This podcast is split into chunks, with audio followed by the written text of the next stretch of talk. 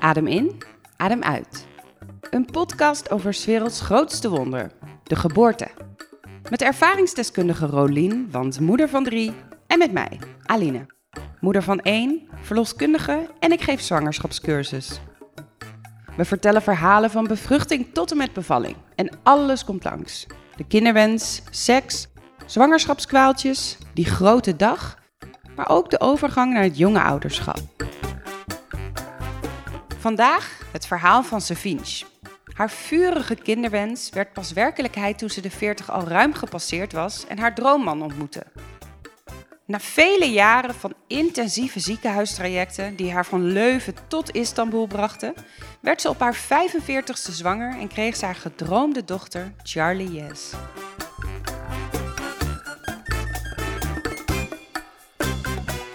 Leuk. Leuk. Leuk. Ja, leuk. Leuk. Nou, ik wil wel eh, jou eh, gaan introduceren. Ja, durf je dat? Ja, ik durf dat wel. Want vandaag hebben we Savinch. En Savinch is eh, voor mij een hele bekende. Ik ken haar, ik ken, wij kennen elkaar dus bijna 20 jaar. Ja, En wij hebben elkaar leren kennen op Aruba. in eh, 2000, als Ja. dat klopt. 19 jaar geleden, ja. Wauw. Bizar, hè? Ja, en nu hebben we allemaal kinderen. 18. Aardig wat veranderd van eh, jullie 19 tot nu, denk ik. Ja, nou, jij was niet 19. Ik was inderdaad 18, 19 jaar. Jij, Ja. was, jij bent 10 jaar ouder dan 28 ik. was ja. ik. Ja, Wat? 9 jaar ouder. Ja, ik ben 46. Wat? Yes. Ja, Heel erg knap. En dat is dan meteen even eh, en, ook ehm, wel het bijzondere aan het verhaal wat, ik ga, wat ik ga vertellen. Ja, want wij kennen ja. jou niet 20 jaar, maar 20 minuten. Maar ik had niet gedacht dat je 46 was. Nou, dankjewel. I take it as a compliment. Nou, Ja. dat zou ik doen. Maar wat wil je zeggen? Dat heeft, wat heeft, waar heeft dat mee te maken? Eh, nee, nee, niks. Dat Dat je dat, hier bent. dat, dat, eh, dat, dat eh, wel het bijzondere aan mijn verhaal is dat ik op deze leeftijd een, een kindje heb mogen krijgen, wat nu nog, nog maar 12 weken oud is. Dus eh, ja, ik ben onlangs bevallen. Op mijn 46ste. Zo. Ja, van mijn eerste kindje. Maar was er dan een stage of zo? Heb ik dat nou even gemist? Nee. Ja, waarom waren jullie? Waarom Ja. waren Waarom jullie wonen daar? jullie op Het is Aruba? allemaal een beetje mensen die willen vluchten om problemen, relatieproblemen, die vluchten allemaal naar Aruba. Gek Oh, genoeg. Wij dus ook. Ja. Tenminste, ik wel. Ja. Ja, Oh. nee, en ik heb mijn moeder die is daar geboren. ja. Oh. En eh, toen had ik, wij, ik heb een huidziekte, psoriasis. En in die tijd zat ik helemaal onder. En toen zei mijn moeder, we moeten gewoon weg uit Nederland. Het is veel te koud, het is niet goed voor je huid. En toen was ik 17 ongeveer, toen zijn we daar naartoe gegaan. ja. En toen heb ik, ik heb dus bij mijn moeder, ik was echt een papi en ik woonde bij mijn moeder. En ik was ook bevriend met jouw moeder. En jij was weer bevriend Ja. met mijn moeder. En Ja. Joan en ik werkten in hetzelfde restaurantje. En jullie, jullie werkten samen. Ja. Ja. Ja, nou, het, was echt een, het was echt een geweldige tijd. Het was Ja. echt, het, wa- het was nog niet zo Amerikaans als dat het nu is. Nee. Maar het was, ja, we hebben echt Ja. heel erg gelachen. Mijn rijbewijs daar gehaald, rondje om de kerk. Ja. Kon niet eens achteruit rijden in een automaat. Ja, het was echt geweldig. Dat, dat was wat je moest ja, doen. ja, en dan kreeg ik ook mijn E-cadeau. Dus ik heb mijn B en mijn E. Dan mag je een aanhanger rijden Ja. zo? Oh, Ja, dus als je me een keer nodig hebt als taxi, dan... eh, ik doe het hoor. dan bel ik iemand anders. Ja, oké. Heel verstandig. Maar ja, ik heb jou uitgenodigd omdat ik jouw verhaal natuurlijk echt. eh, ik, ik vertel jouw verhaal graag aan eh, mensen, omdat het eh, een heel mooi verhaal is. En eh, ook wel heel heftig. Ja. Ik, ja, zal ik maar gewoon beginnen? Ja, Ja, maar vertel eerst eventjes, hoe heb jij je man ontmoet? Oh ja, dat is misschien wel een leuke start, hè? Ja. ik eh, heb eh, mijn man eh, op een bijzondere en tegelijkertijd hele platte manier ontmoet, namelijk op Tinder. Oh jee. Maar het bijzondere aan, aan het verhaal is dat ehm, ehm, toen ik op Tinder zat... Ik zat op Tinder omdat ik een vriendinnetje had. Zeg ik had, want ze is inmiddels overleden. Een vriendinnetje wat ernstig ziek werd in die tijd. 2013 spreek ik dan over. Zij eh, kreeg te horen dat ze een hersentumor had. En dat was allemaal heel snel, best wel heel heftig. Maar in die eerste periode was dat nog niet zo heel heftig... behalve dat het nieuws als een bom insloeg. Eh, dus wij zaten eh, avondenlang, want zij had dan Tinder ontdekt. Avondenlang zaten we gewoon als soort van tijdsverdrijf op Tinder Swipen. te swipen. En ik eh, had in die periode ook een burn-out gekregen. Maar heel veel dingen hebben er uiteindelijk toe geleid dat ik een best wel een heftige zenuwinzinking kreeg. En uh, dus we zaten allebei, uh, ja, zij natuurlijk met een veel heftiger iets, hè, een hersentumor. Maar ja, ik had ook iets waardoor ik gewoon uit, het, uit, de, uit, de, uit de running was. Dus wij zaten avondenlang te swipen. En zo heb ik David leren kennen.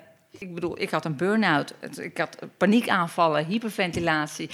Maar David bleef hangen en uh, ja, uh, maanden later hebben wij een eerste date gehad.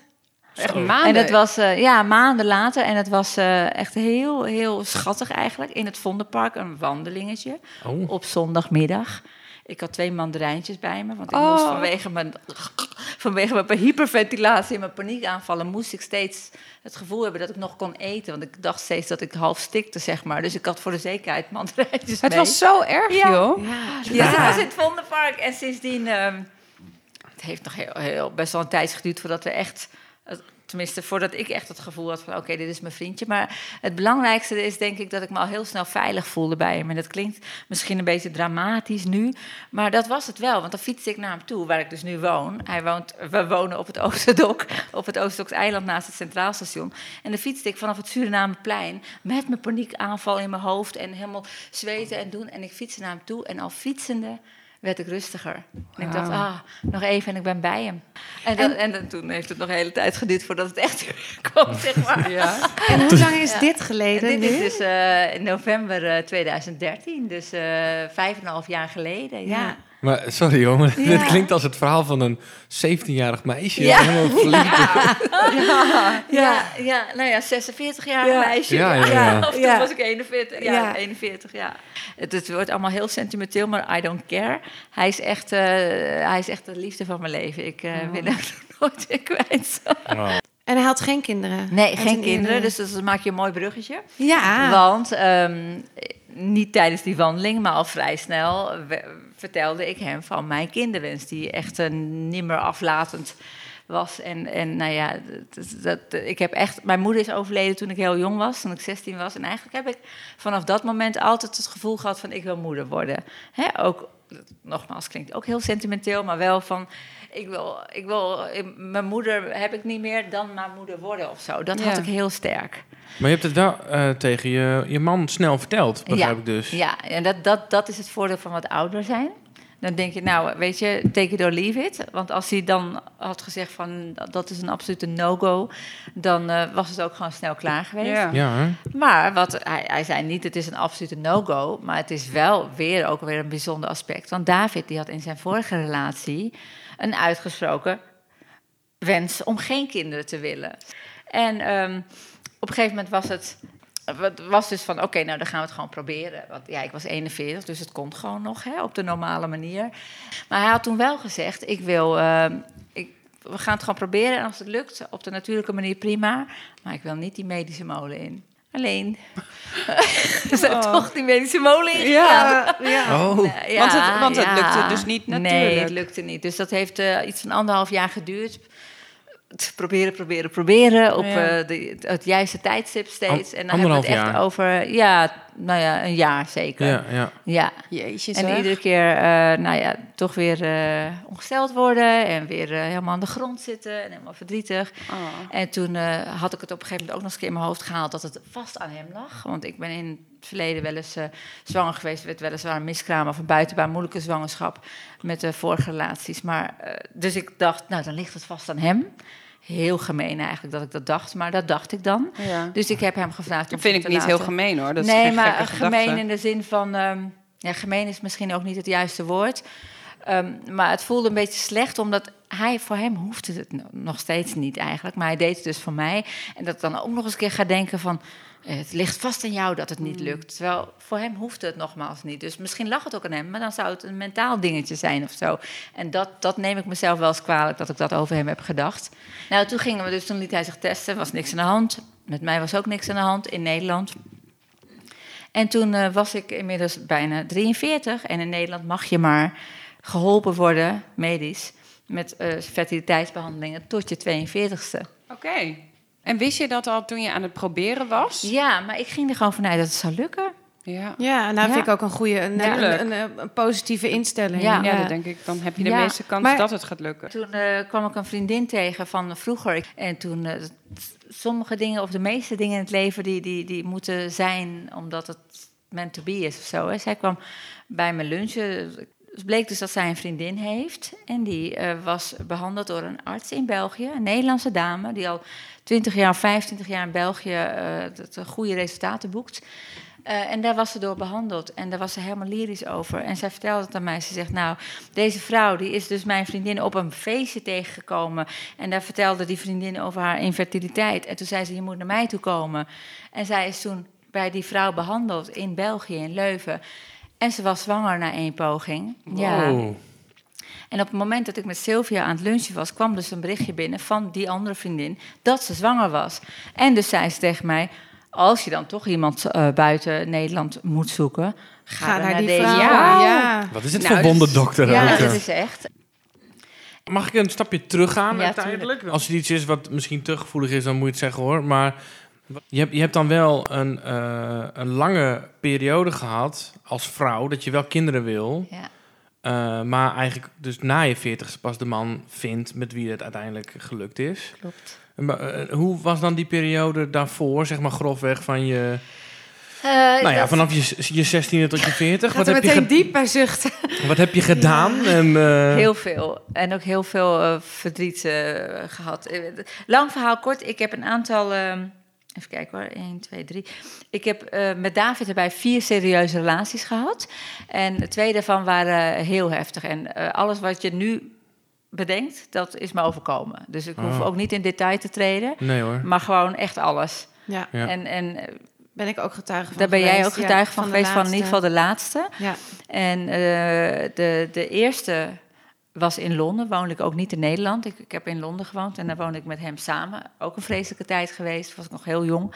Ehm, eh, dus dat waren geen mannen met wie ik kinderen wilde.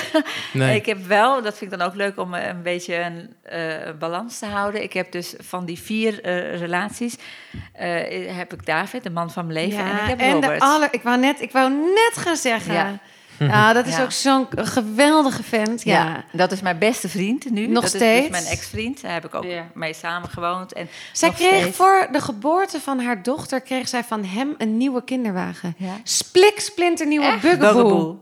Fox. Helemaal, omdat hij zo trots op haar was dat ze het had gedaan. Nou, dan ben, je- Nou, dat is wel dan ben een je gewoon een fantastische goede fan. Ja. Ja. Ja. dus ik heb twee eh hack- exes from hell gehad. Ja. En eh, één ex from heaven. En, en, en mijn huidige man. Ja. Ehm, terug naar Leuven. ja. Dit is, ik, ik kan deze overgang ook niet subtiel, Nee, maar, nee. het was een uitstapje, sorry. ja. Maar- maar ja, prima. eh, dus je, je was bij die dokter, die... Dokter Valkenburg, ja. ja. En die zei letterlijk, ja, Jezus, jullie hadden eerder moeten komen. Zei ze letterlijk. Dat Was- was het eerste wat ze zei. ik Lekker was dus binnenkomen. 43 toen. Toen zei ze, de grens ligt op 43. Wereldwijd is er minder dan 5% kans op een zwangerschap. Oké. Zo, dat krijg je dan gelijk even eh, voor Ja. je kiezen. Ze zei, rookt u? Ik zeg, nee, ik ben gestopt. Maar David rookte toen nog. Ik behandel geen, geen eh, stellen als ze roken. Ook niet als de man rookt. U moet stoppen met roken. Het was in augustus 2014. En hij ging begin september 2014 naar ehm, Into the Great Wide Open. En eh, dat, dat weekend heeft hij nog flink gerookt. En daarna is hij gestopt.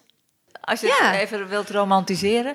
Gestopt omdat ik een kind En deze man wou Ja, geen mooi. kind, hè? Nee. Deze man wou gewoon... En hij had echt topstaat hè, daarna. Sorry, dat wil ik dan ook zeggen. Nu gaan we echt heel, eh, Ja. heel intiem. had aan hij altijd al redelijk goed, geloof ik. Maar het, dat verschil was echt... Hij werd op een gegeven moment door een van de artsen... werd hij de Golden Boy genoemd. Wat? dat is een beetje een porno-naam. Maar ja, de Golden Boy, want zo goed was de zaad. Want, zal ik even een sprong maken naar alle... Of, of, of, Ja, Ja, wat, ja, Ja, vertel. We willen alles weten. Nou ja, goed. eh, dus toen zijn we toch gestart. Want ze had zoiets van, nou, jullie zijn beide gezond. En eh, David was inderdaad gestopt met roken. En eh, nou, ze gingen me eerst helemaal checken. Dat doen ze in België dus heel goed. In Nederland gaan ze eerst 100 keer IUI. Dat is een traject voor IVF. En dan, als dat niet lukt, dan, dan, dan dat en dan dit. En allemaal protocol. In België zeggen ze, ja, we gaan je gewoon checken. En dan zien we meteen wat er mis is met je. Dus ze hebben een kijkoperatie Dat bij mij klinkt ook veel uitgevoerd. logischer. Ja. Ja, dan vraag je af waarom het in Nederland ook niet zo is. Omdat Ja. het een Calvinistisch land is. Nederland is op, op het gebied van zorg. En dan heb ik het met name over, over, over, over eh, de zorg rondom eh, fertiliteit, eh, gynaecologie. Is heel erg ouderwets, Calvinistisch. eh, eh, doe maar normaal, dan doe je al gek genoeg. Niet al te veel porren en doen met je lichaam. Want je lichaam kan het zelf allemaal wel. Nee dus, als je fucking eileiders verstopt zitten... dan kan je lichaam het niet zelf. Maar dan kom je pas achter als je checkt... Ja. Hoeveel vrouwen ik wel niet ken die echt vijf, zes, zeven IUI-pogingen hebben moeten ondergaan. Spreken over twee, drie jaar verder. Hè? Mag ik En heel weer- veel vragen over IUI? Moet je dan al, spuit je dan al hormonen in Ja, dan spuit je dus ook dan hormonen, je maar, dan, maar dan is het anders. Want met IVF heb je echt een punctie. Dan moet je echt je eitjes doen stimuleren, als het ware. En dan gaan ze een punctie doen. Een punctie is, dan halen ze die eitjes, die dan allemaal gerijpt zijn... die halen ze eruit en die brengen ze buiten de baarmoeder... samen met het zaad van je partner. Dus dat is in Maar het is vitro eigenlijk heel gek Ja. om even dat, dat Nederland dan zoveel geld uitgeeft aan IUI. Nee, terwijl dat- ze dus... Nou, da- daar noem je Hoe Nou, dat dat is IUI dus weet ik niet precies, want dat heb ik zelf nooit gehad. Maar ik weet wel dat IUI is dus ook wel met hormonen. Zo maak je dat je, dat je rijp genoeg bent of whatever. En dan moet je... eh, het, het sperma het wordt dan... zaad wordt dan bij jou ingebracht. Ja. Of, of, of- je moet thuis gewoon klussen. Dat Maar dan, moet, dan, wordt, dan spuit je dus hormoon om dat inderdaad toch ook een beetje eh, op, in, een, in een bepaald ritme te krijgen. Ja, nou, je dat, gaat, dat erg, is ook eh, goed. Maar wat je hebt met, met, eh, zeg maar, ehm, met een behandeling zwanger worden... het moet dan in die eileider moet het samenkomen. Hè? Dus het eitje wat springt... Jouw eitje dat springt, moet samenkomen met het zaad wat binnenkomt. Dat gebeurt in de eileider. De eileider is het orgaantje waar die, eh, die, die, die samensmelting in plaatsvindt. Als die eileider verstopt is of geen doorgang heeft, dan gebeurt het gewoon niet. Dat breekt Nee. constant af. En dat kost veel minder. Want jij zegt, ja, dan geven ze zoveel geld uit aan al die pogingen IUI. Nee, IUI kost gewoon veel minder dan IVF. En Ja. dat is denk ik ook een aspect in Nederland. Is alles eh, best wel... Nou ja, de verzekeraars hebben hier het voor het zeggen. Dus je- ja, die, die, die, die, die vergoeden dat waarschijnlijk niet. Die hebben zoiets van, nou eerst... eh, Probeer dat maar ja, eerst en dan ja, komen wij ja, over de bal. Ja, En hoe gaat zo'n gesprek eigenlijk? Eh, zo'n eerste gesprek. Ja, de, de eerste, je- je loopt daar binnen. Ja. Want dat kan zo zonder verwijzing. Je gaat er gewoon binnen. Ja, ik heb haar gebeld, letterlijk. Ehm, oh, ik weet het nog zo goed. Ik was in Wijk aan Zee met Ina, die vriendin die inmiddels is overleden, op het strand. En toen belde dokter Valkenburg terwijl ik op het strand lag. En eh, dus ik nam op en ik liep, eh, liep verder. En toen eh, zei ze, wanneer wordt u precies eh 43? Ik zei, nou, over want ik ben van 23 augustus en het was 10 of 12 augustus. Dus ik zei, over twee weken. Zei ze, oei, maar komt u maar. Dus ik kon, drie weken later kon ik terecht, begin, of eind, eind augustus. Dus nog voordat David inderdaad naar eh, Into the Great White Open ging. Ja, en hij ging mee ook naar dat gesprek. Ja, ja, uiteraard. Ja. Dat was ook nog wel grappig, want in eerste instantie zei hij... eh, Ik heb hem dus moeten overhalen om toch die medische molen in te gaan. Hè, want dat hebben we net even overgeslagen. Ja. Maar uiteindelijk eh, lukte het dus niet. En toen heb ik hem dus overgehaald. Ja, dit, dit klinkt heel gek. Ik heb hem eh, dus het spreekwoordelijke mes op de keel gezet. Dus het klinkt echt heel heftig, maar het was ook echt heftig. Want ik wilde een kind, hoe dan ook. Ik zag mezelf gewoon niet oud worden zonder een kind. Ik dacht echt, dat wordt gewoon mijn dood. Ja, en toen heb ik hem letterlijk gezegd van, ik hou van je. Ik ben echt dol op je. Alleen, ik wil de medische molen in. En als jij dat eh, niet wil, dan moeten we stoppen. Heb ik letterlijk tegen hem gezegd. Toen heeft hij een aantal dagen over nagedacht. We waren ergens naartoe geweest en ik had hem afgezet bij hem thuis voor de deur. Ik stapte uit en toen ehm, pakte hij me vast en toen zei hij, we gaan ervoor. Ja. Ja, Kippenvel! Ja, ja. Wat een goed verhaal ja. dit. Ja, Ja. dat geeft Ja, ik, ik, weet niet, ik zag me een beetje aankomen hoor. Joh. Nee, grapje, maar ja, prachtig. Ja. Ja. Ja. Nou ja, goed, even fast forward, zeg maar. Ehm, ik heb uiteindelijk een eh, ding gekregen, een, een operatie kreeg ik. Een kijkoperatie, want ze zeiden, we moeten echt even kijken wat er allemaal mis met je is. Want al mijn waarden waren goed, zijn zaad was helemaal goed. Weet je, alle waarden, wat ze dan meten, is ook je, de waarde wa- van eh, voorraad. Dus eh, hoe snel kom je in de overgang? En ik was natuurlijk 43, dus de kans dat je dan al best wel snel in de overgang zou raken, dus dat je voorraad heel klein zou zijn, die was aanwezig. Wat een oorzaak zou kunnen zijn, voordat het niet op de natuurlijke, natuurlijke manier lukte. Maar die was sky high bij mij. Eh, anyway, dus, dus, dus, dus dat was allemaal goed. En toen zijn we dus begonnen... Of nee, toen heb ik de kijkoperatie gekregen... en dat was best wel een shock. Want ik kreeg een operatie. Ik wist niet beter dan dat ze zouden kijken... hoe het er allemaal uit zou zien en lalala. En ik werd wakker vele uren later... dan dat ze hadden gezegd dat het zou duren. En David was aan het wachten op me... en, en die is uiteindelijk maar de stad ingaan in Leuven. En toen werd ik weer teruggereden naar de kamer. En toen... ehm, zei de arts, mevrouw, we hebben uw beide eileiders moeten verwijderen. Ja, ik wist toen nog niet het verschil tussen eileiders en eierstokken. Dus ik dacht, ik kan nooit meer zwanger worden. Ja. Ook niet met hulp. Nee, want, eh, Want ik wil- eierstokken ja, zijn, de, zijn de organen waaraan je eitjes groeien. En dus waarvan ze ook springen. Dat is een soort tak, zeg maar. Net als aan een boom heb je, heb je Een knopjes. hoofdtak, een, een tak stam met knopjes. Dan, ja, oh ja, zo. De eileider is eigenlijk niets anders dan het transportkanaal. Het kanaal waarin de bevruchting plaatsvindt. En vanuit die bevruchting gaat het naar de baarmoeder, nestelt zich in en dan ben je zwanger. Dus die eileider, het transportkanaal, die was niet meer doorgankelijk bij mij. En ze waren allebei dusdanig beschadigd dat de arts op dat moment, de, de chirurg, heeft eh, besloten... Ik had daarvoor getekend hoor, wist ik alleen niet. Ik had getekend voor eigenlijk ik alles. alleen niet. Nou ja, ik had getekend voor als, als de arts dus iets zou zien waarvan ze zou denken van nou, dit kan het doel waarvoor mevrouw hier is eh, in de weg staan, dan geef ik toestemming om daar wat mee Juist, te doen. Ja. Whatever. Ja. Maar zij zei dus laatst tegen mij, als ik ze had laten zitten, dan had je sowieso niet op de spontane manier zwanger kunnen worden. Maar als je wel zwanger was geworden op een andere manier, Stel, ik zou zwanger worden, zou er een, een, een, een vruchtje in mijn baarmoeder zou zich innestelen. En dan zou die eileider, of eileiders, ik denk dat ze allebei in hele slechte staat waren, die zouden dus vocht in mijn baarmoeder kunnen lekken. En dat zou, dat zou tot een miskraam kunnen leiden, of, of erger nog, eh, I don't know, whatever. Maar ze, ze, ze- Niet om goed. die reden hebben ze dus verwijderd. En ze dachten, nou ja, dan kan mevrouw met IVF zwanger worden. Want de eierstokken, het belangrijkste orgaan, waar je eitjes aan groeien, die waren nog full intact. En, Oh, en die goed. hebben dus ook eh, hun werk gedaan. Want, doe ik ook, ook weer even vast forward. Ik heb vijf pogingen, vijf volle IVF-pogingen gehad. En bij alle pogingen had ik meer dan tien eitjes, bracht ik steeds Jeetje. voort. En dat is op mijn leeftijd echt uniek. Maar dan doen ze dus eh, het zaad van David samensmelten, samenbrengen. En dan hoor je de dag daarna, krijg je dan een telefoontje. En wat, gebruik, wat normaal is, is dat er ongeveer de helft, als je gezond bent, de helft van de eitjes worden vaak be- bevrucht. Stel je hebt er twaalf, dan is het heel goed als je er zes, bevrucht, eh, Ja. zes bevruchtingen hebt. De David zaad was dus zo goed dat ik soms wel 10, 11 bevruchtingen had. Dus had ik gewoon Wow. 12, 11, 12 embryootjes, hè? Maar Ja. wat, wat doen ze dan met al die embryo's? Ja, nou, dat is dus het, het volgende traject. Wat ze dus doen is eh, ehm, kijken, kijken, laten ze drie dagen lang in, in vitro, hè, dus in, in glas of in een schaaltje, glazen schaaltje, laten ze ze samenkomen.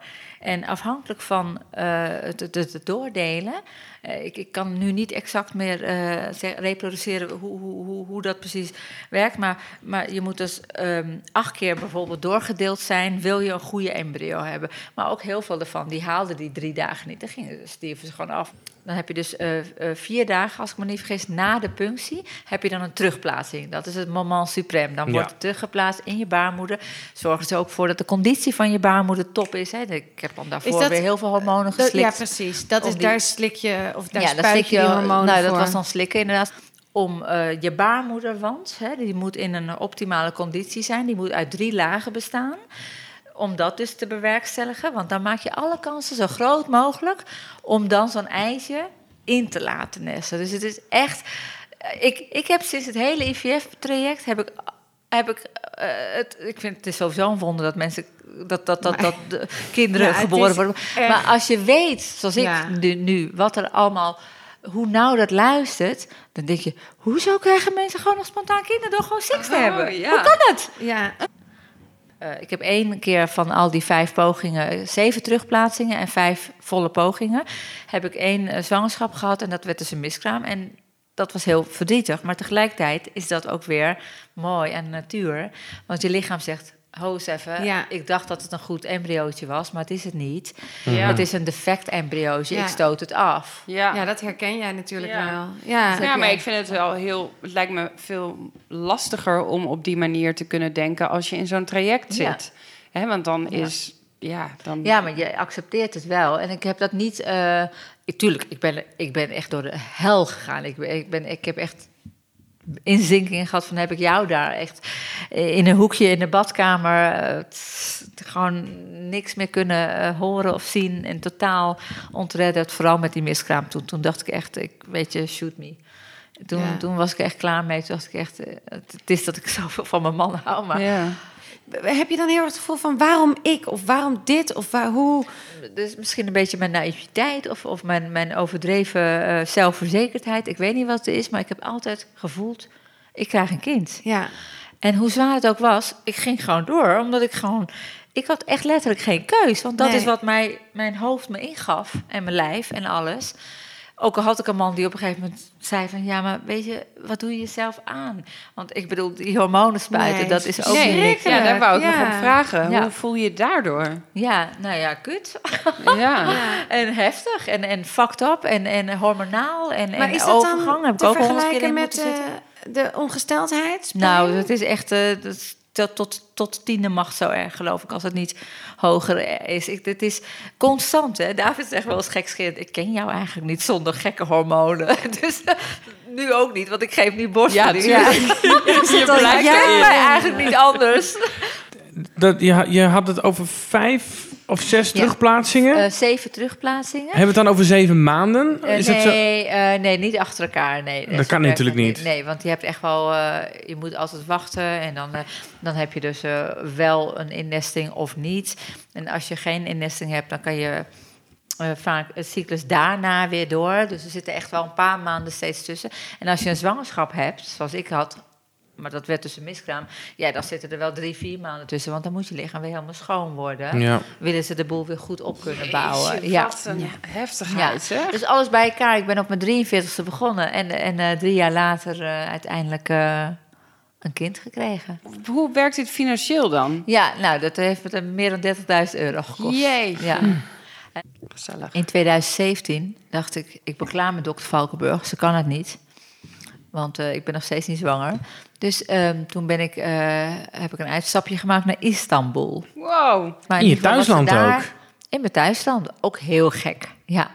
Ik kwam in, de, we kwamen in Istanbul. We, hebben beslo- we hadden besloten, oké, we gaan dan nog één poging wagen in Istanbul. Dat was in 2017. Oké, daar zouden ze wat verder gaan met de techniek. De ijsjes die ze uit mij zouden halen, dus die punctie... die zouden ze dan samenbrengen met het zaad van David, net als in België. Wat we gaan doen hier is na die punctie, na het samensmelten met het zaad, gaan we die overgebleven embryo's gaan we pre-genetic screenen. Oftewel, we gaan 24 uur lang in een apparaat, I don't know hoe, hoe ze dat doen, gaan we kijken of de chromosomen goed zijn. Oftewel, of het een kwalitatief goed ijsje is. Ik had toen zeven embryo's en ik kreeg een berichtje, we hebben er één. Die is hartstikke goed. Dus ze hebben uiteindelijk dat ene embryootje... de kans dat er geen enkele aanwezig was, was, was natuurlijk ook best wel groot. Hè? Nou ja, dan heb je gewoon geen terugplaatsing... maar ben je wel al je geld kwijt. Maar ik nam dat voor lief, want ik dacht, weet je, prima... Eh, dan, dan hoef ik tenminste niet tien dagen in spanning te zitten... of het wel of niet innestelt. Ja. Ja. dan heb ik gewoon een poging gewaagd. Ja. En dan ben ik qua techniek net ietsje verder gegaan... maar dan, dan, dan is het gewoon niet gelukt. Ehm, dus ik had heel veel hoop Ja, echt heel veel hoop. Ik dacht echt van, het is gewoon, het, dit, dit, ik voelde dit gaat het. hem zijn. En ik had dan ook een beetje romantisch van, ja, het is mijn land, eh, ik kom uit Turkije, eh, dus het is meant to be, dat het nu wel lukt en zo. Dus allerlei romantische ideeën. Maar ik kwam natuurlijk weer terug naar Nederland. En in Nederland moet je moet dan na tien dagen altijd bloed prikken. En, en dan zien ze aan je bloedwaarden of je zwanger bent of niet. En dan zien ze ook het HCG-hormoon qua hoogte. Dus eh, soms als het heel laag is, dan ben je zwanger. Maar dan weten ze eigenlijk wel zeker dat het een miskraam wordt.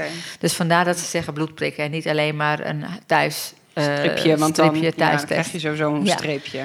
Een telefoontje van de huisarts hier, hier in Amsterdam. Niet van de huisarts zelf, maar van de assistente. En die las het echt zo heel dommig voor. Ze zei, ja, HCG, Jee. 0,01, eh, Yo. kleiner dan teken, kleiner dan 0,05. En Ja. maar ik was zo overtuigd dat ik wel zwanger was. Want ik dacht dus van alles te voelen en weet ik veel wat in die tien wachtdagen. Dat ik zei, ja, wat, wat, hoe moet ik dat interpreteren dan? Wat betekent dat dan? Er staat er gewoon HCG op. Wat betekent Ja, dat? wel ik of dacht, Ja, niet? we- ik Ja. ben gewoon zwanger. Nou, toen heb ik dat eh, naar mijn arts in Turkije moeten faxen. Of eh, eh, mailen, scannen. Ik eh, geef hiermee mijn leeftijd eh, bloot. Het woord fax is natuurlijk... eh, ja, 80. Ja, ze zei faxen, ze is Ja, echt dus 46. hij- ik zei, ik heb Ja. lang gezegd dat ik 46 Zij ben. heeft ook nog geen app, deze. Die sms nog steeds. Nou, wel via Tinder, hè? Even op die, even op die ISDN-verbinding. MSN zit ook nog steeds op. hoor. Kun je er vinden. MSN, oh my god. Dus even de, de Turkije, uiteindelijk dus ook niet gelukt. Heel veel verdriet, heel veel verdriet. Ja, Dit was het. dat was de laatste, april 2017. En dan? Wat voel je dan? ja, was daar ga- klaar. ga je eigenlijk wel een beetje kapot van binnen, ja. Ik had de afspraak met David gemaakt. Dit was de laatste poging. Maar het bloed kruipt waar het niet gaan kan. Ja, ja. Eind april eh, zaten wij te eten thuis, bij, bij ons thuis, met twee vrienden. En eh, David en die vrienden, en ik eh, dronk ook wel wat wijn, maar die, David en die vrienden die, die houden wat meer van drank. Dus die waren ook aan de whisky. En David had zo'n zo'n whiskyproefdoosje, whatever. Dus die, die, die, die drie waren best wel, eh, zeg maar, die hadden behoorlijk wat alcohol genuttigd die avond. En toen zag ik opeens dat David zijn mondhoek hing. Dus ik dacht, jezus, je bent gewoon dronken. Maar ik, David is nooit dronken. Ik- Maar ik hoorde die avond ook echt dat hij met zijn dubbele tong sprak. Ja, jullie zitten me echt aan te kijken met grote ogen. Het is dus ook echt heel heftig, want hij had een herseninfarct. Ja, Die avond. die ja. avond, ja. Bleek later. En toen is het, eh, ik weet niet meer precies hoe het ging, maar de volgende dag naar de huisarts. Niet eens dezelfde avond. Ja, wat ja, we waren alle vier gewoon best wel ver heen qua alcohol. En de volgende dag eh, heeft de arts heel accuraat gehandeld en heel eh, zeker van zichzelf. En heeft ons naar het OVG gestuurd. En eh, alle onderzoeken heel snel. En toen was het eh, een herseninfarct. Ja. Klein, weliswaar, maar serieus. Dus eh, wat dan gebeurde was dat zijn mondhoek hing. En, en je hoorde het dus. Aan, hij, hij sprak echt met een dubbele tong. Heel heftig allemaal. Niks aan de hand nu. Alles is goed. Hij is super, super oké. Ja. Hij moet wel de rest van zijn leven dan bloedverdunnen slikken. Want ze hebben dus niet de, de bron, de oorzaak van, van het infarct kunnen vinden. Wat best wel gek is. Want hij is best wel jong voor eh, iemand om een hart, eh, herseninfarct te krijgen. Ja. Wat deed dat voor jullie relatie? Nou, dan komen we heel mooi tot een, tot een, tot een soort van climax, einde. Eh, wij, wij zijn toen op vakantie geweest in oktober. En toen hebben we op Bali hebben, daarover gesproken natuurlijk. Dat was ook een beetje mijn hoop, want mijn kinderwens bleef. Ik mag volgens mij geen YOLO meer zeggen, maar ik zeg het toch. Het was toch echt een beetje you only live once. Ja. Ik dacht echt, ja, fuck it. Dus het gaat me gewoon niet overkomen dat mijn, de man van mijn leven straks in een rolstoel belandt of erger doodgaat. En, en dan? Ja, en, En, wij eh, hebben niet eens een kind samen. Nee, Je en ik dacht, met het was niet eens doodgaan, maar het was meer dat ik dacht, als jij straks wel ziek wordt, echt ziek wordt, als er dan wel wat gebeurt, dan moet jij gewoon een kind hebben om echt gewoon van het leven te genieten. Want ik ken jou en ik weet gewoon dat een kind jou gewoon de vreugde gaat geven die je dan nodig hebt. Ik voelde het zo sterk. Ik dacht, het, het, het, het moet gewoon. En toen hebben we het nog een keer gedaan. In België weer, bij dokter Valkenburg. Nog één keer. En toen was je 44, 45? Nee, vijf. Ik was al 46. Nou ja, Ja. dus het was eh, al een allerlaatste poging. En het was in, eh, op 10 april 2018 kreeg ik mijn terugplaatsing. En ehm, op 20 april 2018 mocht ik testen. Nee, ho. Nu ga ik even ertussen. Want Oh ja, jij ik mag ging afscheid nemen van Amsterdam. Ik ging Oh ja. verhuizen naar Haarlem. Oh. En ik had een bootje Oh, gehuurd in Amsterdam. Ik dacht, ik ga met mijn beste vriendinnen... ga ik in Amsterdam een, Ja. een, een grachtentocht doen. En jij zei, ja, ik kom. Oh nee, ik kom toch niet. Ja, ik kom. Oh nee, ja, mijn darmen. Nee, het gaat echt niet goed met mijn Ik darmen. zat toen En in die wachtdagen, hè, dus Ja. dat moet je ging, vertellen. ja, ging niet goed, wel goed. En je moest de hele tijd naar de wc. En ik dacht, die is zwanger. Die is gewoon hartstikke zwanger.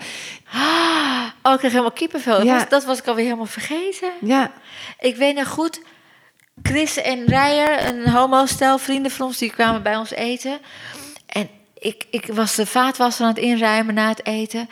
Ik moest op een gegeven moment, ik klapte dubbel van de pijn in mijn darmen. Ja, het is echt too many details, maar ik dacht echt, "Ah, ik moet nu naar het toilet. Maar Chris, een van die jongens, die zat op het toilet op dat moment. En ik, Oh, sorry. ik dacht echt, wat nu, wat nu? Ik, ik had echt paniek. Ik had echt paniek.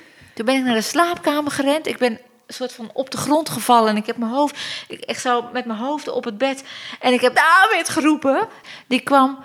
Ik zei, zeg tegen Chris dat hij nu van het toilet af moet. Oh, nou, Chris meteen van het toilet af. Maar die had ook een beetje last van zijn darmen. Dus uiteindelijk kwam ik dus ook weer terug van het toilet. En het Jullie was dachten echt niet, gewoon... het zit aan het, in het eten. Dat Nou, allemaal maar Chris die zei, ja, heb jij er nou ook zo'n last van? Zei die, maar die, dat, dat stel, we kennen ze wel goed, maar niet zo goed dat ik ze had verteld over dat ik in de wachtdagen zat en weet ik veel wat. Oh, ja, ja. Voel je dan zelf wel al dat er meer aan Ja, de hand is ja. dan beetje... Nou, ik dacht wel van, dit, is wel, dit voelt wel heel gek. Ja, maar ik, ik durfde het niet meer. Hè. Ik durfde Nee. niet meer te hopen. Maar waar, waar hebben we het over dan? Want je had De dus last van je... Ja, Oh, oké. En dat voelde je gewoon... Dat Ja. sloeg helemaal op je, op je lijf, zeg maar. Ja. ja. Oh. En dat was op dag vijf na de terugplaatsing. De terugplaatsing moet je eigenlijk zien als de conceptie. Hè? Als je op een normale manier eh, zwanger wordt, dus gewoon Ja. door seks.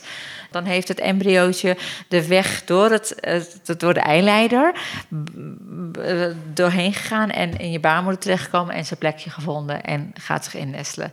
En de ene vrouw voelt het, de andere, ander niet. De meeste vrouwen voelen het niet, want die worden gewoon op, op een normale manier zwanger. En je denkt niet vijf dagen of zes dagen na, na seks van, oh, nee, dat denk je niet, toch? Nee, nou, ik bedoel, dus, maar nee. ik wel, want ik wist ieder Dus detail. jij weet gewoon het moment Ja. dat Charlie Ja. in jouw buik Ja. Ja. Innestelde. Ja. Ja, ik Wow. weet het ook, ja.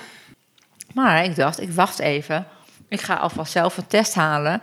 Kan ik alvast een beetje thuis testen. En dan kan ik me voorbereiden op een negatief antwoord. Want daar ging ik eigenlijk wel vanuit. Ja, dat vroeg ik me af. Was je excited? Had je zoiets van... Weet je, het is zelfbescherming, René. Ja. Het is pure zelfbescherming. Ja. Ik voelde wel dat er heel wat gebeurde. Maar geen haar op mijn hoofd die daar aan toe durfde. Je durfde het niet te Ik durfde geloven. het niet te geloven. Dus ik had die test gedaan. En die test die was fucking positief. en, en boem, ook En meteen. hoe, ja. Hoe? Echt meteen. Nog nooit dit gehad. Nog nooit. Nou ja, ik was natuurlijk eerder zwanger geweest, maar dat was wel maar wacht een even, die test, dit was, je was dus thuis wel... Had Thuis. gewacht op David? Ja, Was- David kwam thuis Ja. en ging testen. En onder de afzaagkap in de keuken... twee streepjes. S ochtends om 11 uur of zo had ik een test gedaan. Om 12 uur werd ik gebeld. Zo'n Keno is het nou ook. Dus ik zei... Dus ik belde en ze nam op. Echt Ze nam op. vrouw. En ze was echt gewoon geïrriteerd dat ik, dat ik al een test had gedaan thuis. Ja. Want zij wou jou het niet Ik heb goed nieuws voor u. Ik zeg, ja, ik weet het. En toen was het echt zo... Hoe durf je Ja, nou zelf echt, dat zijn ze nog net niet, inderdaad. Ik hoorde gewoon aan haar stem. Nou, dan moet u dan maar mooi aan uw man vertellen. Oh nee, dat heeft u natuurlijk al verteld. Echt zo. Jeetje. Ja. Wat een type is Ja, dat. ja. Maar maakt niet uit. Nee, want zij niet heeft uit, ervoor zij- gezorgd ja. dat je zwanger werd. Absoluut, ja. En dus was ik zwanger. Was je, eh, was, je, was je door het dolle heen? Was je heel blij? Nou, op dat moment, ik, durfde dat ook toen niet. En ik was een beetje, denk ik wel, onder invloed al van het zwangerschapshormoon. Want ik was echt vooral een beetje apathisch, zat ik een beetje zo voor me uit te staan. Dus ik kon niet echt, echt heel erg blij zijn, omdat ik... Ja, maar hoe reageer het was je gewoon shocking. Ja, gewoon Dus een als je al beetje... zo lang bezig bent met zwanger... Je hoe- hoofd schakelt uit, als het ware. Hè? Dus je, je, je laat het maar gewoon zijn. En je denkt, nou, het kan nog misgaan, het kan nog misgaan, het kan nog misgaan. Ik ben de eerste twaalf weken, als het niet langer was... In ieder geval de eerste twaalf weken heb ik eh, eigenlijk alleen maar eh, angsten gekend dat het weer mis zou gaan. Ja, dat snap ik Ja. wel. Hoe ging jouw zwangerschap? Hoe verliep jouw zwangerschap? Eh, mijn zwangerschap verliep op zich wel oké, maar niet fijn. Ik heb geen fijne zwangerschap gehad. Ik ben echt eh, iedere dag van mijn zwangerschap tot op de laatste dag, tot aan de laatste dag toe. Dat er werd besloten om een keizersnee te doen. Dat zal ik dan zo even vertellen. Maar uiteindelijk was het een keizersnee dat ik nog eh, aan het kotsen was. Dus op dag, Nee. dag eh, Ja. 39. Maar dat is echt die ziekte, toch? Of dat is echt dat je... Ja, nou, ik denk dat dat. eh, ik, weet, ik weet niet. Ik, ik, ik, ik was gewoon iedere dag eh, niet echt aan het overgeven, maar wel iedere ochtend zwaar kokhalzen. Je, zo, je ziet ook wel dat als je ouder bent en Ja. dan zwanger raakt... dat je dan vaker eh hè? zwangerschapskwaaltjes Ja. hebt. Dus heel Ja. vaak ook langer misselijk bent. Wat dan wel weer bijzonder en weer leuk is om te vertellen, is dat die dokter Valkenburg, daar hebben we haar weer.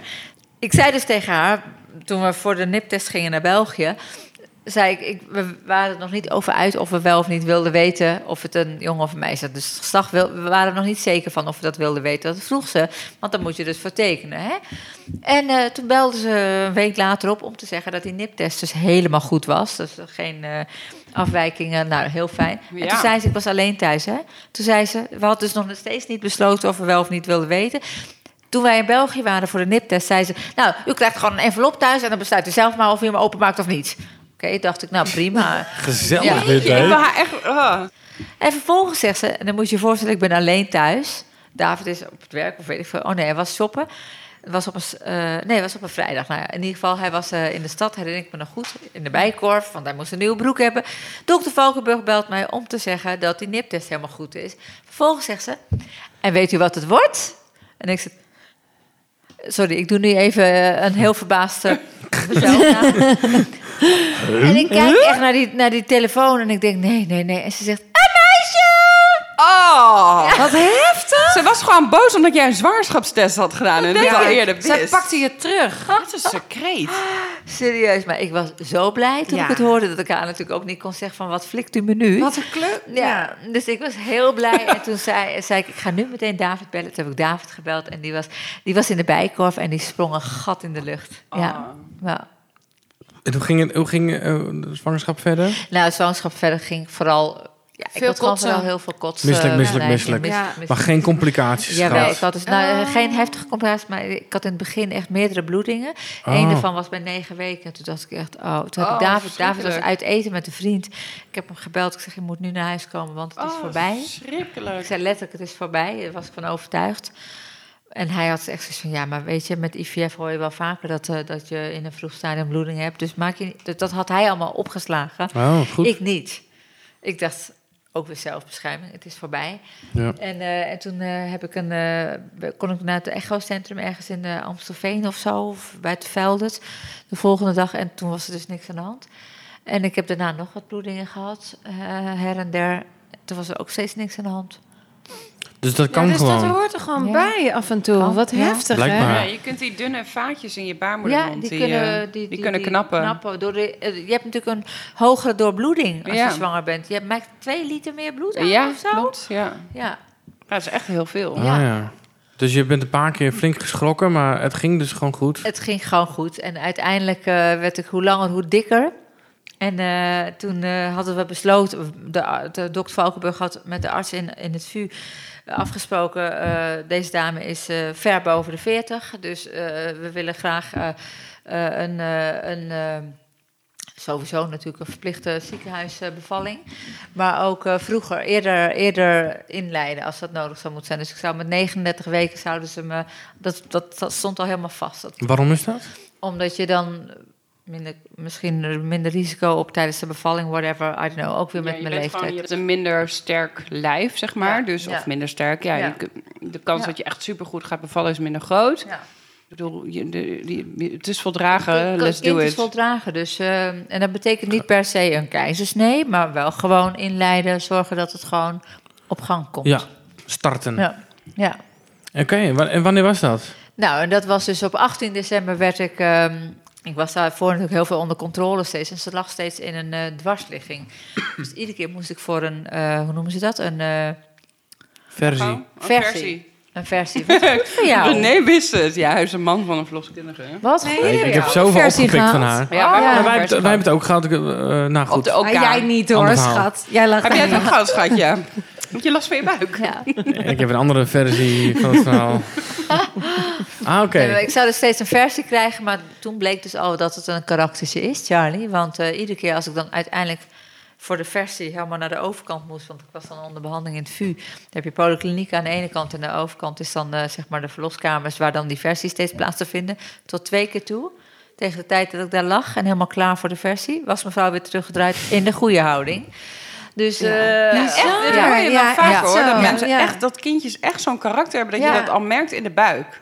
Maar 18 december was de dag dat ik opgenomen zou worden om de inleiding te starten. Toen lag ze weer in een dwarsligging. Was ze weer gedraaid. Ze draaide constant. Ik had ook heel veel vruchtwater. Oh ja. Dus, en ik, ik zal je zo even een foto laten zien... die je natuurlijk niet op de podcast kan zien. Maar ik denk wel als jullie die leuk vinden om te zien. Ik was huge. En je bent niet heel groot. Dus. Nee, maar, maar, maar, maar ik was niet per se huge als in dik of zo. Maar mijn buik was echt als je denkt... dit is gewoon En een jouw voeten, jij kon gewoon Shrek achterna. Oh ja. Nou ja, dus toen kwam de dag dat we, dat we dus daar inderdaad zes uur s ochtends moesten we die kant op. En om half zeven werd ik uiteindelijk, had ik mijn eigen kamer. En eh ook eh gezellig Waar wel- erbij. welk ziekenhuis In het? VU. Oh ja. Maar dat, weet je, niks gaat bij mij zoals het hoort. Want twee dagen later kwamen ze bij mij op de kamer van mevrouw, het duurt allemaal zo lang bij u. En we hebben een spoed, we hebben een, eh, iemand in het, VU, eh, in het AMC die eh, moet bevallen van een prematuur kindje. En er is geen couveuse meer daar. Dus eh, ik Oh, had je echt een ruilen. koninginnenkamer. Ik had een prinsessenkamer in het vuur, echt Ja. heel groot. De verloskamers lag je al op. Ja, het is een hele grote kamer. Ja. Hele grote kamers lag ik. En ik had ook nog eens een keer de balzaal, noemden ze die. Oh ja, ik weet wel welke dat die- is. Ja, die weet je, die Ja. ken je waarschijnlijk. En David kreeg ook een fijn bed en alles. Nou, dat was echt fantastisch. En, ehm, en toen kwamen ze, ja, wilt u met haar ruilen? Want ja, dat is toch wel... Ja, dan ga je natuurlijk niet zeggen van nee hoor. Ja, wat Lig je eh, lekker. ja. Ja. Dus ik werd gewoon met de ambulance, met zo'n buik. Want ik kon natuurlijk ook ieder moment bevallen. Want ik zat Ja. toen ook al twee dagen aan de weeënopwekkers. Met de sirenes, weliswaar Ja. niet, niet met een rotgang. Want daar hebben ze een naam voor. Maar wel met, met Sirenes sirenes aan, en, je eh, bent en, spoed, eh, maar- eh, en geluid, zeg maar. Maar niet, eh, niet met, een, met een heel Ja. harde rotgang. Maar werd ik dus naar het, eh, naar het AMC gebracht. En daar kreeg ik een heel klein rothok. Stond er ook een Heel soort klein. kubusstoel? Ja, Ja, waar in moest liggen. Zeg, wat doet die kubusstoel hier? Ik Ja, dat ja, is dat is David zijn bed. Ja, dat, dacht dat, ik echt, dat, dat herken ik, ja. Ja. Ja? Kon je die niet uitklappen? Ja, Jawel, jawel, maar dat is dus jawel. de kubusstoel. Ik bedoel, Nou, heb jij lekker geslapen in het ziekenhuis? Nee. Maar Nee, dat maar maakt me niet gewoon- Het uit. gaat, toch, maar... het gaat er gewoon meer om het plastic. Is, vind ik wel heftig dat je echt op plastic ligt. Nee, je krijgt beddengoed erbij. Ja, dat is Jawel, maar dan nog lig je toch echt op dat mega... Maar ik vond het wel een grappig detail dat, dat ik dan wel eh, gevraagd werd. Misschien had jouw man het ook. Dat ik dan wel, op het moment dat de, de verpleegkundige 's ochtends binnenkwam, moest ik hem afdekken, zeg Ja. maar. De spullen eraf halen en de stoel weer inklappen. ja, weer in en, die kubus. en toonbaar zijn, zeg maar. ja, hallo. Dus ik, moest, dus ik mocht niet Voor lekker blijven half liggen. acht 's ochtends, ja. ja. Ja, je moest aangekleed zijn. Er was nog een grappig moment. Een vriend van hem die appte op een gegeven moment. Die was met zijn gezinnetje in eh, Peru of door Zuid-Amerika aan het reizen. En die appte op een gegeven moment van... we staan nu op het punt om eh, op, een bootje, eh, t- op een bootje te gaan... want we gaan een paar dagen eh whale watchen. Oh. Dus David zo, whale. Ik ben al vier dagen aan het whale watchen. Dus ik heb geen hele fuck aan. vier dagen ben ik ingeleid. Vier dagen aan de hormonen. Ja. En dag vijf, eh, s ochtends, half negen, werd ik weer getoucheerd. Oftewel gekeken hoe ver de ontsluiting eh, was. Inwendig onderzoek. Inwendig onderzoek. En dat was weer gewoon niks. Ik had inmiddels twee, of 48 uur een ballonnetje. En ik had daarvoor twee dagen lang eh, zes pilletjes per dag Oh. gekregen. Nou, op, op weeënopwekkers dus. In het AMC, in het VU hadden ze een protocol van zes... en in het AMC een pro- protocol van drie pillen per dag. Dus dat was echt de helft. Maar omdat Oh. ik in het VU was begonnen met zes... ben ik in het AMC ook gewoon doorgegaan met zes pillen per dag. Maar dat bracht allemaal niks teweeg. En op dag vijf was het, fuck it, doe maar gewoon. Ja. En toen zeiden ze, en ik weet nog dat ik teleurgesteld was... we moeten even naar de OK om te kijken, want het is weekend, zaterdagochtend. Eh, waarschijnlijk morgen, maar met een beetje pech maandag word je geholpen. Ja. Maar waarschijnlijk morgen. En ik was teleurgesteld, omdat ik dacht, morgen, morgen... Dat, of, of, of, of vandaag, zeiden ze, maar einde dag of whatever. En toen zeiden ze, we gaan het nu even checken. En ze kwamen binnen 10 minuten terug en het was nu, Ja, we gaan. go. We hebben maar gelukkig maar Ja. bij jou. Ja. En het was Ergens, half de- negen. ergens Maar- denk ik nog bijna, waarom was je niet gewoon... naar hui- ja, dat is Ja, maar dat heel zeiden we Waarom was je niet naar huis gegaan? hebben we het ook Nee, over maar gehad. dat- hebben we ook ja. gesprekken over Nee, maar gehad. dat kon wel, maar ik, ik kon niet. Nee, ik jij kon, kon niet meer. Ik Nee. kon niet meer. Ik bedoel, Nee, het was ik gewoon klaar. één opgeblazen ballon. Ik kon geen stap meer zetten. Ik Oh, kon Sliep niet, zeggen. Ik sliep Er niet was geen weg terug. was geen Nee. weg terug. En wie, wie, neemt, eh, wie neemt die call? Zeg maar, hoe gaat dat? Wij, wij, David en ik. Dat vragen ze ons van nou, wij, eh, ze zeiden je hebt er vier opties en, en, en een ervan was naar huis gaan. De ander was weer een ballonnetje, de ander was weer beginnen met weeopwekkers ja. en helemaal de riedel weer helemaal vanaf het begin af aan. En weet ik veel wat. En die andere, dat la, de de optie keizersnee. En waarom, waarom kozen jullie daarvoor? Nou, wij hebben Ja. de avond ervoor hebben we het uitgebreid over gehad. En ik voelde, ik zei, ze gaan we morgen weer onderzoeken. En ik weet gewoon, Weer er is weer niks plaatsgevonden. Ik voel het gewoon. Ja. Ik voel me gewoon niet anders dan gisteren en eergisteren. Ik heb natuurlijk wel de nacht vooral veel gehad, veel voorweeën gehad. Dus, maar dat had ik constant. Dat had ik ook toen ik thuis was. In die weken daarvoor, weet je wel. Dus dat was niet veel anders. Dus ik voelde dat, dat het weer niet eh, iets op gang had gebracht. En toen eh, hebben we letterlijk naar elkaar toe uitgesproken van... nou, als keizersnee dan een optie is...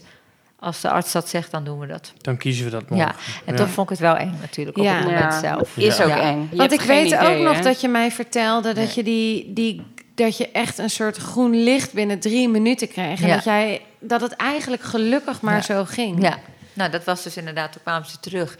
En toen was het, eh, we gaan nu naar de, naar de OK. En omdat ik zo opgeblazen was door zoveel vocht, duurde het best wel lang voordat die naald, eh, voordat ze de, de Ja. nou, het moest, moest best diep, ja. zeg maar. Ja, Waardoor ja. ik dus ook, ik weet niet of jij dat herkent, maar ik was dus, ehm, omdat ze best wel veel eh, spul erin Ja, hadden Dat gespoten, hij een beetje omhoog was, ging. het- was het een beetje omhoog gegaan. De Dus verdoving dan, die ging een beetje naar je dus borst ik toe. Ik kon heel moeilijk hoesten. En ik had het gevoel dat ik moest hoesten. En ik kon Oh, niet hoesten. En wat on- ah, ik dacht, Oh, nee, dat ik wil nu geen naar. paniekaanval krijgen. Dat je het gevoel hebt dat, dat Ja, dat je keel Ja. ja, je longen die vooral. Niet eens je ja. keel, maar tot hier was Mm. het voor mijn gevoel verdoofd. Oh, dat vond ik zo naar. Oh. Dat was niet fijn, maar oké.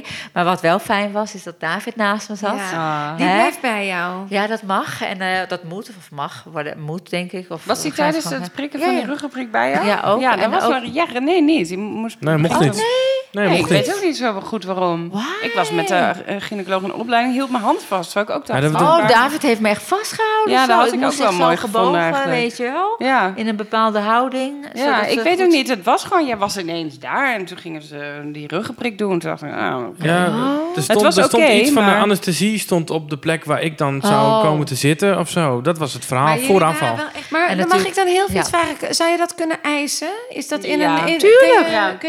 Had jij kunnen zeggen, René, Ja. van ik wil hierbij zijn bij Tuurlijk. mijn vriendin, want zij, ik, dit is Ja. echt heel heftig.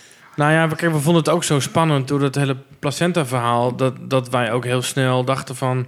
Oké, tijdens een ruggenprik eh, sta jij even daar. Want dan staat de apparatuur van anesthesie daar. En daarna mag je erbij komen zitten. Dus dan denk je ook heel snel van... Oké, is goed. Ja. Maar ik weet nog wel dat het toch voelde, als ik daar nu over terugdenk, voelde dat toch een beetje als een afstand. Dat je daar niet bij was, dat ik toch dacht, Ja, Aline vroeg vind op een dat gegeven moment echt- waar is ook René, wel vroeg ze. ja. Ik zei, eh, achterin zo. Ja, dat Ja. voelde heel uh, Ja. afstand. Maar goed, ik ben Ja, nu, nu het ook raakt het me een beetje, ja. omdat ik denk, Ja, oh, jij had ja. dat wel, weet je wel. Dan denk Ja, ik, ja, snap ik. verdorie, dat had ik ook wel gewild. ja. Terwijl het helemaal goed is geweest zoals het is geweest. Ja, Wel. dat is ook En zo. elke Ja. situatie is ook anders. Maar het is misschien Ja. wel goed voor een zwangere om te weten van je mag daar, je mag daar misschien wel iets meer Ja. eh, assertief in zijn. Ja. Van eh, hey, moet dit echt zo? Of Ja. mag ik gewoon even mijn man vasthouden? Ja, wij waren of denk mijn ik vrouw, gewoon mijn- overdonderd ook door... eh, Ja, zeker. Het was gewoon allemaal gewoon rete spannend. Maar dat is medisch sowieso, want dat heb jij Ja. ook ervaren. Ja, dat je, je zeker. bent zo Oh, overdonderd. ik vond het wel heel heftig hoor. Want ik wil wel zeggen, ik, ik bedoel, nou, ook door de hypnobirthing, ik had natuurlijk ook een droom van een bevalling. En, ah, en alles komt goed en chill en muziek. En we hadden van alles mee en kaarsjes en weet ik veel lichtjes. En nou ja, dat dus. Goed geluisterd. En dan, en, en, en dan eh, is het in één keer keihard een keizersnee in Ja. zo'n in zo'n in zo'n in zo'n OK met, met felle lichten. En allemaal heel lief. Super lief team. Echt ontzettend lieve mensen. Van de anesthesist tot, tot, tot, tot, de, tot de operatiekamer, hulpdame, whatever. Iedereen was super lief. En David zat achter me. En, eh, en opeens, ho- we hoorden haar. We hoorden de baby huilen. En op dat moment keek ik David aan en, en hij keek mij aan. En, en toen werd ze zo in de lucht gehouden boven dat, boven dat, boven dat doek, zeg maar. Oh ja, dan, je had niet eh, twee doeken dat eentje naar beneden ging. Dat Nee, je, nee, nee, nee, Ze hielden haar gewoon zo in de Ook lucht. zie kan het zo uit anders. En wij zaten... Ah, Ineens. Je dochter. Maar goed, vrij snel werd ze weggenomen. en, en dan gaan ze haar natuurlijk checken. David mee. En toen lag ik daar alleen. En dat vond ik heel heftig. Mm. Want eh, toen Oh. ging ze verder met mij dichtnaaien en weet ik veel wat. En dat duurde ook nog even. Maar eh, na een mi- minuut of 10, 15, ik kan. Oh, ik duurde weet, zo ik, lang? ik heb, ja, volgens mij in mijn herinnering wel, maar misschien was het nee, korter. dat kan niet zo lang. Waarschijnlijk duren. korter, Als alles goed ging met haar, dan Ja. waren ze echt binnen Nou. een paar enkele minuten bij. Echt waar, of voor mijn gevoel duurt het heel lang. Ja. Maar dat kan natuurlijk ook gewoon Omdat ik dacht, waar is, waar is David, waar is mijn kind? Ja. Weet je wel, dat gevoel. Ja. En toen kwamen ze dus terug. Nou, laten we inderdaad gewoon zeggen, oh, eh, binnen een paar minuten. Toen, man, mijn handen, ik weet niet of jij het ook Ja. en mijn handen vastgemaakt. Want je mag niet in En de dan reflex... kun je je kind niet vasthouden. Wat of bedoelde je dat? Ja, ja. nou, tegen mij zei ze dat is om, Oh, om een reflex. Zou ik ook doen. Ja. Ja, ik zou ook Oh, mijn ja. kind pakken. Maar dat Ja. doen ze dus, dat Nee, nee, ze- niet je dat- kind pakken, Nee, maar gewoon- als je naar je buik greep, omdat Ja. daar wat gebeurt. Ja. Ze zijn natuurlijk bezig, weet je, dan, in je- met je ongesteriliseerde handen in je eigen buik, weet je, Ja. zo. Ja. Dus je lag een soort vast. Vast. Als een, Ja, je En toen ligt als- ze Charlie. als een Ja, zeester als begin je weer. nou, als ja. een zeester. Ja, maar Ja. ook als een soort... eh, eh, iemand Vastgebonden. Ja, Ja, ja, ja, ja, ja, een prisoner. Een, Ja, maar eh, dat En je voelt kan je helemaal benen niet gek. bewegen. Het voelt al, Nee, tenminste, het voelde ik vond gek. het alleen gek totdat Totdat- bij ja, mij lag. precies. En dat ik dacht... En nu? En toen zei iemand... Moet ik even je hand... Ik zei, ja, Ja, ik kan ja, mijn kind niet ja. vasthouden. Ja. Ja, toen ging ze handen losmaken vast. Nou, bij mij legde ze haar niet meteen, want het was al met mutsje en alles. Dus ik kreeg Ja, ja. haar niet eh, bloot of whatever. Maar ik kreeg haar dus, nadat ze haar gecheckt hadden en had ze al een mutsje op, kreeg, kreeg deed iemand, ik denk David, haar bij mij zo. En ik was aan het ruiken en aan het doen. En David zegt, je begon nog net niet te likken. Oh, echt? Het was Oh, gewoon heerlijk, ja. maar mooi ook. Oh, wauw. Ik was alleen maar aan het, aan het ruiken aan haar. Oh, dat heb je heel bewust meegemaakt. Ja. Oh, wat bijzonder. Ja, en toen gingen ze weer weg. Nou, Eigenlijk ja. had je, dat noemen ze een spoedkeizersnede als je een ongeplande keizersnede hebt. Ja. En bij jou Ja. was het een, een eh, inleiding met niet een geplande keizersnee, wat uiteindelijk wel resulteerde in een keizersnee. Dus dan hebben ze niet een operatie die mooi, eh, operatiekamer die verwarmd Oh, is. dus En daarom moest- bij je. Ik heb de hele tijd René en Kobe bij me gehad. Dat meen. Ja, Bij dat mij was wel gingen ze dus fijn. weg. En het duurde, en dat, dat, dat weet ik nog zeker, het duurde echt nog heel lang, want ze moeten hier nog helemaal dicht naaien. Ja. Hè? En vervolgens werd ik naar de recover, Recovery, ja, de- recovery ja. kamer gebracht. Ja. En, en, en, en, en David stelde later, hij was dan al naar de verloskamer. VK, hij mocht ja. haren op zijn borst en op zijn blote bas en alles. En al die Ja. foto's mocht ik dan laten zien. En toen kwamen ze eindelijk. Ik had al een, cracker gegeten, ik had al thee gedronken, ik was al aan de morfine. Ik was echt al een half uur, drie kwartier, misschien wel een uur verder voordat zij weer naar beneden Oh. kwamen, naar mij toe. Oh. En dat was, ja, dat was heel mooi, want toen was het, zag mijn baby in de armen van, eh, nee, in het wagentje nog. En toen pakte de verloskundige, of de, de verpleegkundige, pakte haar op. En toen zei, eh, zei ze, volgens mij heeft ze honger. En ik weet nog dat ik dacht, ja, dus? ik had echt geen idee. Ik, ik, ik, ik stond er niet bij stil dat ze dan bij mij aan de borst moest. Oh. En toen legde ze zo op mijn borst. En het was echt twee seconden. Hap, die hele tepel. En ze begon te zuigen. En het was... Ze doet het. Ze doet het. Ja. Meteen. Het was een natuurtalent. Ze zeiden ze ook, ook de dag daarna nog en zo. Ze zagen hoe ze... eh, dat was dus niet een toevallig momentopname dat het goed ging. ging aan alle keren daarna ging het gewoon goed. En tot op de dag van vandaag. Wauw. Ja. Ja. Zat ik opeens een kindje aan mijn borst. Ja. Ja, Maar het dat hoeft niet hoor. Bij heel veel vrouwen nee. gaat het niet Ik automatisch. zeggen, hè? we gaan nog echt nog wel heel veel afleveringen over borstvoeding Tuurlijk. maken. Daar, wil ik, daar gaan we jou weer voor uitnodigen en jou ook. Want ik heb Oh, wel fijn echt... dat ik ook mag komen in mijn eigen podcast. Sorry. Ik nodig jou ook bij deze. Oh, dankjewel. Ja, maar het, dat doet, het is wel echt ook een hele heftige weg. Ja, dat zou best, ja. Even, even, Ja. eh, even eh, noem het uh, TV-show. hoor. Maar Ja. wat voelde je? Jeetje, ja, een goede vraag. Ik voelde, ik, ik, ik weet, het, er gaat zoveel door je heen op zo'n moment. Ik, ik, ik, ik, ik weet het niet meer. Ik weet het gewoon echt niet meer. Ik weet wel Een dat met, dat met dat met dat likken, zeg maar. Met Ja. dat, dat, dat, dat was dan later. Eh, ook niet veel later, want jij zegt inderdaad dat duurt een paar minuten. te Nou, bij mij duurt het was eh, vijf goed. maanden en dan lik ik mijn kind nog steeds. Ja, nee, precies. Ja, ik ook. Ik ook. Ik zit ook echt steeds met mijn Ja, neus je in de een nek kan en dit? alles. Is Ja, het erg? Nee, je Nee, mag dat- kind toch wel likken? Ja, nee, maar dat, dat, dat, dat toen, eh, dat gevoel wat ik toen eh, had, dat, dat was wel heel intens.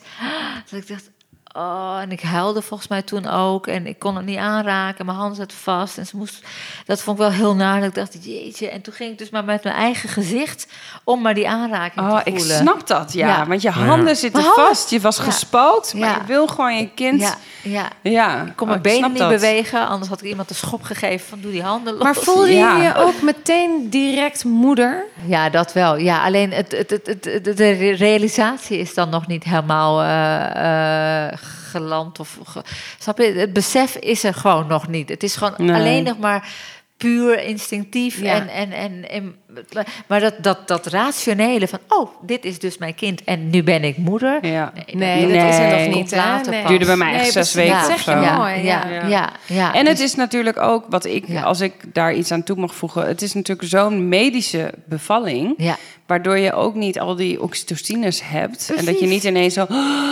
helemaal verliefd. Nee, Nee, het is nee, gewoon, nee, oh mijn kind, Ik, ik heb die kant wel ervaren, Ja. dat je helemaal verliefd wordt. Ja. Maar ik denk dan ook, oké, en nou even weg en nou mag ik even slapen. Oh, ja. Want je bent, je, Ja. je, na een- je- ik denk dat we allebei Ja. even hard werken. ja, Ja. ja. En of dat nou bent emotioneel of fysiek of allebei is, je bent gewoon aan het bevallen. Ja. Ja. In welke vorm dan ook. Ja, en dat, is, zeker, dat ja. is Dat vind ik echt even leuk om te vertellen.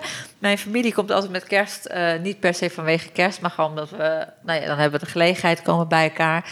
Bij mijn zus meestal in Drachten, die heeft een groot huis. Dus mijn zus had gezegd, we gaan je bellen. Want wij, iedereen was daar op 26 december, op tweede kerstdag. Ik natuurlijk niet, met de baby waren we gewoon thuis. Dat, dat wisten ze ook. Maar ze zouden me bellen met de videochat, zeg maar.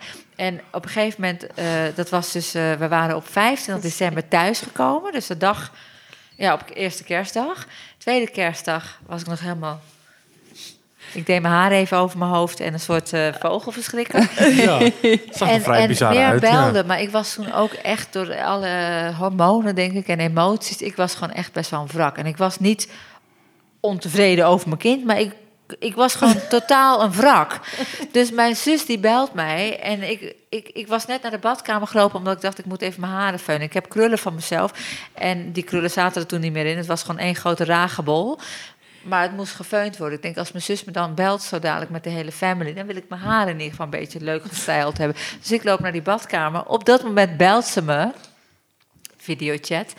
Dus ik wil haar wegdrukken. Ik denk, ik bel zo dadelijk als ik klaar ben met veunen. Maar ik neem op, ongeluk. En ik zie die hele fucking family allemaal in vol ornaat. Allemaal helemaal mooi, op make-up en... eh, mooi, volgens mij hadden ze een soort groot scherm. Koerdische- Allemaal make-up inderdaad. Allemaal prachtige kleren. En ik... Zo, ik ging echt met mijn haar. En ik schrok gewoon van het feit dat ik opnam. En ik keek gewoon met mijn grote neus zo in het scherm. En volgens mij zagen zij dus op dat grote scherm mijn haar, vogelverschrikker en paniek in mijn ogen. Make-up uit. Oh, nee, ik had geen make-up op, maar make-up loos dus. Totaal in paniek. En toen wilde ik haar dus wegdrukken. En dat lukte ook niet. Dus ik keek naar het scherm en ik probeerde. En, en, en dus ik zag mijn familie echt zo een beetje zo verbaasd kijken. Niemand zei wat. Ze keken alleen maar naar me. En toen heb Oh, ik... Ja, het was erg. echt zo erg. En toen heb ik, ben ik echt letterlijk in elkaar gestort. Ik mijn knieën begaven in die badkamer. Ik ben gewoon gehurkt gaan zitten in een hoekje. En ik heb Mirjam, mijn zus, dus uiteindelijk via de normale lijn, dus zonder video of zonder beeld, gebeld. En ik heb echt volgens mij twintig minuten lang alleen maar gehuild. Oh. En toen zei ze, stil maar, het komt goed, stil Ja. maar, het komt goed, stil maar, het komt goed. En uiteindelijk heeft zij en mijn familie een beetje kunnen sussen. Ze is, ze is gewoon nog een beetje in de war van Ja. de bevalling. Je zat natuurlijk gewoon in 2013 in Leuven Ja, met eh, eh, eileiders die niet goed waren, Ja. ingevroren dingen, en noem maar op, noem maar op, Ja. tot, tot hier. ja. Hoe kijk je daar dan op terug, op, op alle, nou ja, eigenlijk op alle teleurstellingen die aan vooraf gingen? Weet je, ik kijk er gewoon echt niet op terug. Ik meen het echt. Wat Ben knap. ik het niet vergeten, maar ik ben de pijn wel vergeten. Ik heb niet zoiets van, oh, wat was dat een heftige tijd? Nee, helemaal niet. Nee, Omdat dat Charlie hoofdstuk- er is. Ja, omdat Charlie er is. Ja, eigenlijk, Kijk, eigenlijk hetzelfde als ik Charlie nu niet had Ja. gehad en ik had haar, ik had er een punt achter gezet omdat het gewoon echt niet meer financieel niet meer kon, eh, emotioneel niet meer kon, fysiek niet meer kon. Want dat vergeet ik soms wel eens, maar dat heeft natuurlijk ook een behoorlijk effect op je lijf, al die hormonen. Eh, dan had ik me erbij neergelegd en dan had ik er overheen gegroeid. Want ik ken vriendinnen die dus ook net als ik heel veel jaren IVF, IVF, waarbij het niet is gelukt. En die hebben dus nu geen kind, maar die zeggen wel van ja, maar je groeit er toch ook overheen. Dus dan had ik er misschien anders op teruggekeken, maar ik heb gewoon een kind. Ja. Ja. Weet je? Jij het is gewoon kind. gelukt. Wat vond je, als je terugkijkt op, op het hele avontuur bij elkaar, eh, het allermooiste moment, kun je Ja. dat vertellen? Ja, eh, de, de positieve test. En eh, het telefoontje van dokter Valkenburg vrij snel daarna. Dat moment van dat we elkaar aankeken van it's real. Ja, Ja, dat is een logische tweede vraag. Wat is dan het allervervelendste uit de hele... Ehm, de, de echte miskraam jaren geleden. van een eh, gelukte poging. Toen dacht ik echt dat ik, eh, dat ik mijn verstand zou verliezen. Ja. Hm. Ja. Ehm, waar, waar ben je het meest trots op?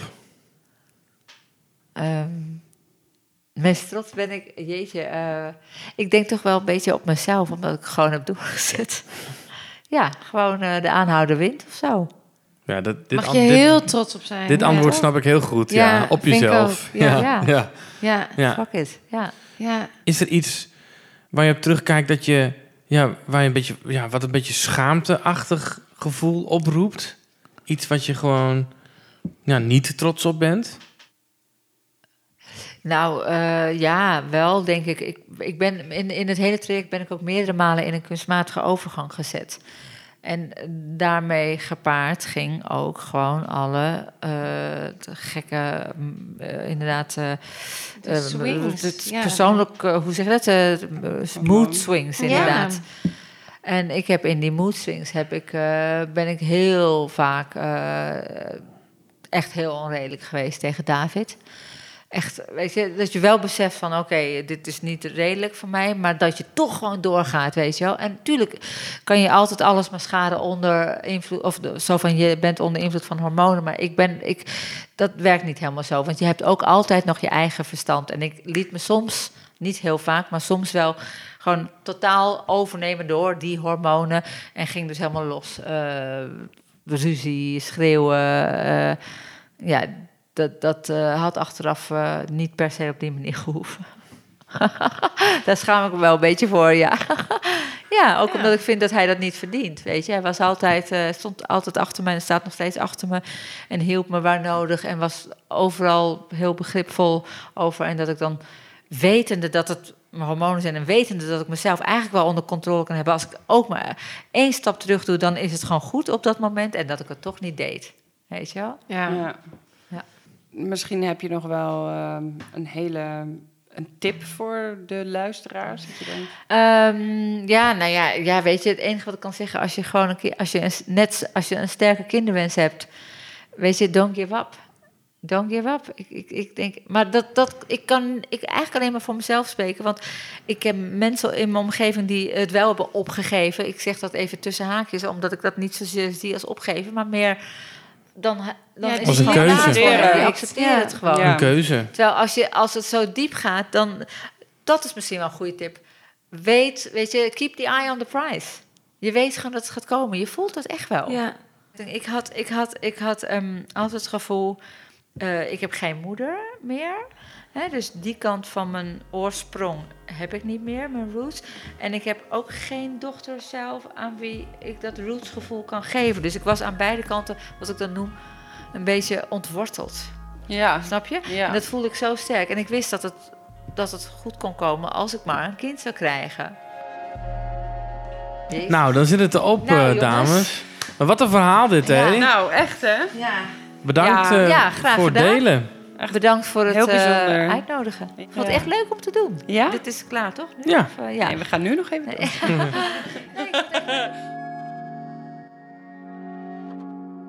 Dit was weer een podcast van Adem in, Adem uit. Vond je het leuk? Check ons op Facebook en Instagram. Heb je een vraag of wil je ons misschien je eigen verhaal vertellen? Mail ons dan op info@deluiermoeders.nl. Ik zeg het nog een keer: info@deluiermoeders.nl. Mm-hmm.